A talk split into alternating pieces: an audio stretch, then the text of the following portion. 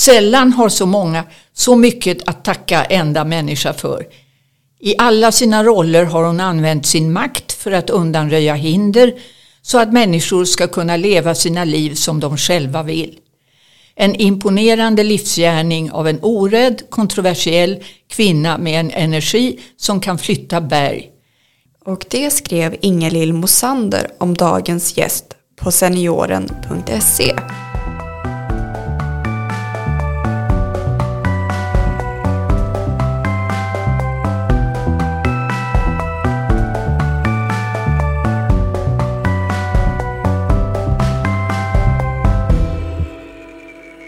Under mer än fem decennier har Barbro Westerholm påverkat och förändrat det svenska samhället i en mängd sociala frågor.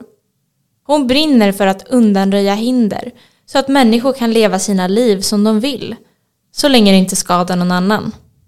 Som generaldirektör för Socialstyrelsen var Barbro den som år 1979 drev igenom att homosexualitet inte längre skulle räknas som en psykisk sjukdom. Efter det här har hon varit engagerad i andra frågor kring homosexuellas rätt och fortsatt att arbeta för hbtq-frågor och homo-, bi och transpersoners rättigheter. I riksdagen har hon lyft frågor om bland annat genus, åldersdiskriminering och dödshjälp. Tidigare i höst släpptes hennes biografi med namnet Om att aldrig ge upp. Varmt välkommen till Medicinrättspodden Barbro. Tack. Och det är ju verkligen roligt att ha dig här idag. Och vi hade ju faktiskt äran att ha med dig på medicinrättsliga seminariedagarna för bara några veckor sedan också. Mm. Och där pratade ju du om digital vård och eh, då kopplat bland annat till årsrika personer. Mm. Tror du att det går att föra den digitala utvecklingen i vården framåt samtidigt som man inkluderar så många personer som möjligt? Man måste ha båda systemen, både digital möjlighet till kontakt och gammeldags möjlighet via mobil och via personliga besök. Och jag tror aldrig att man kommer att få alla att arbeta digitalt. För nu ser jag ju att eh, det är ju inte bara den årsrika generationen som har problem utan också ungdomarna, tonåringarna har problem. Och de är ju uppfödda med paddor och datorer och så vidare. Jag reagerade lite på ordet årsrika. Mm. Väldigt fint och eh, bra ord du använder. Och jag läste på lite om det. Och som jag förstod det så var du och några till med och myntade det begreppet. Vill du berätta lite om det? Jo men det var när jag var ordförande för SPF, alltså den näst största pensionärsorganisationen. Och vi uh, jobbade med problemet ålderism, fördomsfull syn på rika människor. Och då såg vi ju att ord styr. Och vad finns det för synonymer till gammal och äldre? Det är inget fel egentligen på de orden men de är lite belastade av en fördomsfull syn. Och det vi hittade det var bräcklig, senil, mossig och så vidare. Ingenting som var positivt. Och då var det en distriktsordförande hos oss, P.O. Magnusson, som sa jag tycker vi ska kalla oss för årsrika. Det står för att vi är rika på antal levda år, vi är rika på kunskap och så är vi rika på något man bara kan leva sig till, nämligen livserfarenhet. Och sen avgick han och då sa han, nu får du fortsätta marknadsföringen. Och det har jag hållit på med nu i 20 år. Det går sådär. Jo, riksdagen använder ordet och eh, en del journalister. Och sen så har jag varit på Svenska Akademin att föra in det i sin ordbok. Och de har väl haft annat att göra än att syssla med, med, med ordboken kan jag tänka. Men nu har de satt igång och då meddelar en av medarbetarna där det här ordet finns sedan 1600-talet. 1660 eller 70-talet. Och det stod för precis det som vi, det står för idag. Men det har fallit i glömska. Så nu hoppas jag att det kommer in i akademins ordlista ovanpå det. Ja, gud vad intressant. Jag ska verkligen tänka på att börja använda det. Mm. Det är ja, sjukt som du säger att det nästan inte finns några positiva synonymer Nej. alls. Nej. Jättekonstigt. Mm, det här med åldersdiskriminering, det är ju någonting som har engagerat dig och engagerar dig Ja. tillsammans med andra diskrimineringsfrågor. Och eh, WHO, de har ju beskrivit åldersdiskriminering som en av de svåraste diskrimineringsgrunderna att göra något åt. Vad är det som gör att, var, varför tror du att det är så? Nej, men eh, de flesta i samhället har ju inte upplevt att vara i den här åldern och därmed inte känt av att bli diskriminerade. Och den här diskrimineringen den har ju funnits sedan antikens tid. Och då har det varit det här med bräcklighet och så vidare. Men samtidigt så ser man i historien hur de, de, man har de vises råd och senaten och sådant. Så det har också funnits en uppskattning av livserfarenheten. Sen har ju då WHO gått in på det här området och gjort eh, studier genom World Values Survey och funnit att väl, välståndsländerna eller välfärdsländerna är mer ålderistiska än de som har en svagare ekonomi, svagare välfärdssystem. Och Sverige hör till bottenligan. Det finns ingen som jag vet som har forskat var, varför. Jag tycker man ska försöka ta reda på varför. För ska man undanröja ett problem så måste man veta vad det beror på. Vad man attack ska attackera för saker. Ja, det är helt sant. Har du några exempel på rak arm på åldersdiskriminering som eh, förekommer? Ja, ta de kronologiska åldersgränserna som finns i vår lagstiftning och riktlinjer och så. Jag menar, inom sjukvården, hälsoundersökningar med mammografi för att tidigt upptäcka bröstcancer och därmed minska dödligheten i bröstcancer. Det slutar man att erbjuda vid 75 men trots att bröstcancern den har ingen kronologisk åldersgräns. Alltså bröstcancer har antalsmässigt ökat med 30 procent bland kvinnor 75 plus sedan sekelskiftet. Oj. Ja. Och här har vi då fallbeskrivningar kvinnor som har trott att när man inte erbjuds mammografi längre då är jag inte i risken längre. Och där då bröstcancern har upptäckts ganska sent. Och därmed sämre möjligheter att behandla. Men det finns andra åldersgränser också. Jag menar ta inom assistansersättning. Eh, det kan man då få upp till man fyller 65. Men får man en stroke efter fyllda 65 som ger stort behov av assistans. Då är det hemtjänst och anhörigvård som det handlar om. Mm. Jämfört med att ha en personlig assistent före fyllda 65. Och varför satte man 65? Det var väl att efter 65, de är pensionärer. De är ingen tillgång i samhället. De jobbar inte. Ja, det är ju jättemärkligt och speciellt med tanke på att vi ju blir äldre och äldre. Ja, att ha fasta åldersgränser på det sättet. Ja. Sen är det ju klart att det är väl alltid svårt att göra individuella bedömningar. Det, det måste ju baseras på faktiska grunder. Så det kommer ju alltid vara svårt. Men fasta åldersgränser blir ju Ja. skevt. Jo, jag utredde ju då fast omsorgskontakt i hemtjänsten för äldre. Det var uppdraget. Men var går gränsen? Vem är äldre? Och nu eh, pågår ju en utredning om äldreomsorgslag. För vilka skriver man den? 70-åringar, 65-åringar, 85-åringar eller vad då? Ska man juridiskt sen döma om någon inte har fått då den omsorg som krävdes och utgå från kronologisk åldersgräns? Det blir svårt. För det är ju behovet som ska styra, inte hur många år man har råkat finnas på den här jorden. Helt rätt Barbro. Du har ju alltid ansetts vara och är en väldigt nytänkande politiker och som alltid har vågat lyfta kontroversiella ämnen. Innan du blev politiker så har du arbetat som generaldirektör på Socialstyrelsen och 1979 var det va? Då drev du igenom att homosexualitet inte längre skulle ses som en psykisk sjukdom. Kan du berätta för oss om det här ja. historiska ögonblicket? Ja, alltså det föregicks ju av att personal berättade att RFSL, homosexuellas organisation, hade börjat med något som kallades för frigörelseveckan. Då de tog upp olika sakfrågor som de ville politiker och myndigheter skulle göra något åt. Men de berättade inte vad det var för frågor. Mm.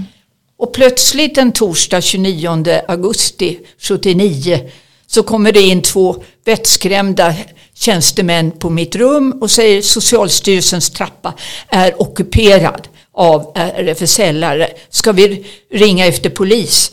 Och jag menade att eh, det var väl bättre att jag gick ut och frågade varför de satt där. vad var skälet? De ringde nog ändå efter polis har jag fått veta. Men jag gick ut på trappen och där satt de och skanderade Vi är arga, inte snälla. Vi är homosexuella. Nu ska sjukdomsstämpeln bort, annars blir processen kort. Och så berättade de att de under fem års tid hade försökt att förmå Socialstyrelsen att stryka homosexualitet ur sjukdomsklassifikationen. Och jag som hade arbetat med den i en annan del visste att det här kan ju Socialstyrelsen ändra i. Det behöver inte regering och riksdag kopplas in om. Och det här med kärlek mellan människor, det kan väl inte vara en sjukdom? Och då mindes jag ju också min fråga till min pappa när vi gick hem någon eftermiddag och såg två män som gick hem från sin ramaffär och höll varandra i handen. Och jag frågade varför håller de varandra i handen? Och min pappas svar blev, ja men de älskar varandra på samma sätt som jag älskar din mamma. Mm. Jaha, så, då, så enkelt var det. Och så enkelt blev det på trappen där. Så jag sa, jo men det här kan vi stryka. Och eh, jag upplevde att det var pyspunka i församlingen där. De som var med sa att nej det var det inte. För de hade gått dit och tyckt de hade hittat på en rolig grej att ockupera trappan. Men de hade ju inte förväntat sig att de skulle få ja på sin framställan där. Nej. Och sen tog det bara två eh, månader innan här, den här strykningen vann laga kraft. Så det gick ganska fort. Otroligt Men jag ska väl tillägga att min verksledningskonferens, ni vet en generaldirektör har de närmaste medarbetarna nära. Och det var fem män i 60-årsåldern och en kvinna. Och de fem männen såg ut som skrynkliga russin i ansiktet. Så här kan man bara inte göra utan föregående utredning. Och kvinnan sa äntligen något som begriper vad det handlar om. Och det är klart, jag var tvungen att höra ett vetenskapligt råd i psykiatri i den här frågan. Och jag kände flera vetenskapliga råd här och tog den som jag trodde nog skulle säga ja. Och det blev så. Och sen, ja, sen var det väldigt oproblematiskt. Men om jag får tillägga, efteråt när jag har blivit ombedd att föreläsa om det här så tänkte jag, nej men varför blev det sjukdom? Och gick då tillbaka i historiken. Och det blev det 44 när man skulle avkriminalisera homosexualitet. Och då gick det inte att ta hela stora steget till eh, att bara fritt fram. Utan då sa man att om vi kallar det för sjukdom då kan man ju inte vara kriminell. Då är man ju sjuk. Och sen fortsatte det så här. Sen motionerades det i januari 79, alltså ett halvår innan det här. Jag gjorde det här i riksdagen och det blev avslag på den motionen och Socialstyrelsens motivering bakom att det inte skulle bli struket i kalendern. Men det hade jag ingen aning om för det väckte ingen stor massmedial uppmärksamhet. Mm. Det är så häftigt vad enskilda personer kan göra tycker jag. Att idag får vi hoppas att oavsett att det inte längre hade klassats som en psykisk sjukdom men det hade ju garanterat tagit längre tid oh ja. om inte du hade varit med och drivit igenom oh ja. det. Oh ja, och det var ju tur. Dels att jag frågade min pappa för länge sedan då. den här frågan och att jag visste att man behövde inte gå till regering och riksdag för att ändra här. Det var bara att tala om för de andra nordiska ländernas motsvarigheter att så här gör vi och för Världshälsoorganisationen att vi stryker. Och Världshälsoorganisationen strök ju ett antal år senare, jag tror det var 91 eller något sånt där. Ja. Det är ett otroligt viktigt beslut du tog på Socialstyrelsen där och då sa du ju faktiskt nej till att upprätthålla normer och diskriminering av personer på grund av sexuell läggning. Ett beslut som eh, då måste ha sett som politiskt. Tror du att ditt liv hade sett annorlunda ut om du eh, inte varit med och drivit denna fråga? Och jag fattade inte riktigt hur viktigt det var då. Och att jag faktiskt då eh, började min bana som politiker. För att det här Socialstyrelsen hade dragits ner eh, med en tredjedel och ansågs som väldigt ineffektiv. Och jag ville ju ge myndigheten ett gott rykte. Så vi gick ju ut i sådana här kontroversiella frågor som hjärndöd och hjärtdöd och eh, provrörsbefruktning och allt vad det var. Så att, eh, och fick mycket uppmärksamhet. Faktiskt så mycket så att regeringskansliet var väl inte riktigt lyckligt över det. Det är mycket möjligt att jag hade fastnat mer i de här sega utredningarnas nät. Men, men det här, och det är också så att är, är man utbildad till läkare och man ska försöka göra positiva saker för patienter och, och sen så blir man inte kliniskt verksam då, då blir det viktigt att försöka göra bättre för patienter på annat sätt. Och det, det, är väl det som har färgat vad jag har valt att arbeta med när jag nu har blivit politiker och också varit det ganska länge. I mitt arbete som kommunikatör på Institutet för medicinsk rätt har jag haft turen att intervjua dig, Barbro, och träffa dig i flertal tillfällen. Och något som slår mig varje gång är ditt ofantliga driv att ständigt förändra och göra skillnad i samhället. Trots att det liksom handlar om frågor som är väldigt svåra och eh, även över tid ansetts väldigt kontroversiella. Vart kommer ditt driv ifrån? Nej, men det, det är väl att jag, viljan att göra skillnad. För varför, varför finns jag i denna värld i livet om jag inte försöker att göra skillnad för andra människor? Och det är ju i läkaryrket, det är ju det, grunden för läkaryrket. Jag ville ju egentligen bli barnläkare. Men så blev det inte. Nej, men eh, du har nog gjort kanske ännu mer skillnad än vad du hade gjort annars. Jo, när, alltså bara det här att p-piller fick bli p-piller då 1964. Vad det har betytt för kvinnor i Sverige. Att man har ett preventivmedel som man bestämmer själv när det ska och hur det ska användas för att kunna bli förälder när man känner att man är mogen för det. Mm. Så var det ju inte Nej. dessförinnan. Nej, men det var ju 64. Då, du arbetade inte på Socialstyrelsen då, utan det var... Nej, då var jag på Medicinalstyrelsens läkemedelsbyrå och, eh, som föredragande läkare och hade bland annat den här frågan på mitt bord. Och eh, då männen, de överordnade männen sa vi ska inte godkänna den här användningen av det här eh, läkemedlet. För friska kvinnor ska inte behandlas med läkemedel under lång tid när vi inte vet vad det kan ställa till med på lång sikt. Men samt, då sa jag, ja men vad oönskade graviditeter, det ställer ju också till med saker och ting. Det ska vägas mot det. Och jag hade ju under studietiden obducerat jämnåriga kvinnor som antingen hade dött av illegal abort eller tagit livet av sig. Det är ju det det måste, vägas mot. Och eh, vi får väl följa då med biverkningsrapportering och så vad som händer med p-piller. Och vi har ganska god kunskap idag om de risker som finns. En liten, liten risk för blodpropp. En risk som har försvunnit, nämligen att få gulsot. Den är irreversibel och ger inga långa skador. Och sedan har man följt cancerrisken och andra biverkningar. Och kunnat hela tiden se att nyttan av p-pillren överväger riskerna. Mm. Ja, det känns ju verkligen som att du personligen men också samhället har haft nytta just av din bakgrund som läkare och sen med all din erfarenhet. Att komma in och verkligen då kunna göra skillnad i de frågorna. Jo men jag menar, det var ju inte bara att obducera avlidna jämnåriga kvinnor. Det var ju också att under skoltiden uppleva att flickor som blev oönskat gravida, de fick ju sluta skolan. De om några hade ju behövt gå klart skolgången och få en bas att arbeta utifrån eh, för att kunna försörja sig själv och barnet. Helt galet. Vi skulle vilja avsluta det här avsnittet genom att ställa tre personliga frågor. Mm.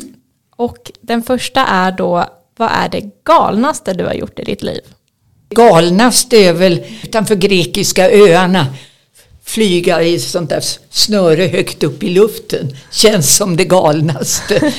För fyra barn hemma och eh, det var inte riskfritt att göra det här. Så det borde jag nog inte ha gjort men det var så lockande att finnas 75 meter upp i luften.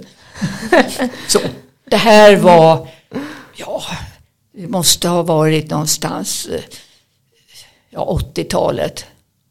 Någonstans där. Och rent spontant också så känns det som att säkerheten då inte var lika bra som nu. Nej, nej. det var den inte. Det var den absolut inte. Ja, nej, jag skulle nog inte vågat det nu hens, tror jag. Nej. Ändå som, eh, ja, med all utveckling, det tror jag inte. Så det var ju modigt av dig. Mm. Ja. Men du är ju väldigt modig överlag kan man ju säga. Eh, och du har ju tagit igen många stora frågor. Men om du fick ändra på en sak i världen, vad hade du valt då? Av det jag har gjort, det, det är när jag inte har kommit i mål som gällt just hur man ska hjälpa människor som har varit med i auktoritära destruktiva rörelser. Och där jag fick till en utredning om det. Och Peter Nobel som då var diskrimineringsombudsman eller hade varit föreslog att man skulle i brottsbalken ha med en paragraf eh, om eh, att det är straffbart att ta makten över en annan människas fria vilja. Vilket ju sker i den här typen av rörelser. Och det vi ju ser nu i terrororganisationer. Här är det makthavare som tar makt över människors fria vilja och det går liksom inte att ångra sig när man har blivit fast. Så att det, det är jag ledsen över att jag inte har kom längre med. Det är ju verkligen ett superspännande, eh, intressant ämne. Jag läste om detta i din bok. Mm. Jag är själv intresserad av eh, denna typ av rörelser eh, och tycker att det är väldigt spännande. Så att, ja. Och det visste jag faktiskt inte att du hade arbetat oh, med. Oh. Och jag motionerar varje år framförallt när det gäller barnen. Barnens skolgång, barnens skolhälsovård som är så viktiga att de har någonstans att prata om vad de upplever i de här rörelserna. För det har ju kommit vittnesmål från vuxna. Eh, det finns en bok som heter Sektbarn och eh, som är jätteviktig att ta vara på de erfarenheterna. Men det är som den politiska familjen är rädd för att röra i det här. Och det beror på att en del av de här rörelserna kommer med ganska otäcka hot. Vill skrämma bort den från att röra i det här. Och det här har gällt vad jag upplever, alltså ganska högt uppsatta politiker också. Man kan ju förstå att rädsla självklart påverkar. Och eftersom jag har läst både din bok och även boken Sektbarn av Charlotte Essen så förstår jag den komplexitet som finns i frågan. Som du säger så bör detta ämne belysas mera. Så det är ju väldigt bra att du motionerar varje år och jag håller verkligen tummarna för att eh, det går vägen. För att byta ämne helt. Den sista personliga frågan Barbro. Hur ser en perfekt dag ut för dig? Från morgon till kväll en perfekt dag är att jag faktiskt inte behöver ha väckarklockan på. Men sen att jag har spännande händelser under, under dagen. Och eh, jag menar idag, spännande att möta eh, då seniorer från Vänsterpartiet och diskutera ålderismen med dem. Och sedan så komma hit och bli intervjuad. Sedan så har vi riksdagsgrupp och sen ska jag då träffa eh, då liberaler i Stockholm för att diskutera det landsmöte som vi har framför oss och som är väldigt viktigt för vårt vägval i det kommande valet. Det är en dag då jag tycker den, är, den har ett bra innehåll. Och med dessa ord avrundar vi Medicinrättspodden och säger stort tack till dig Barbro för din medverkan. Säger tack att jag fick vara med för det är roligt att prata om de här sakerna. Nästa avsnitt av Medicinrättspodden kommer ut den 20 december. Klicka på följ och prenumerera så blir vi jätteglada.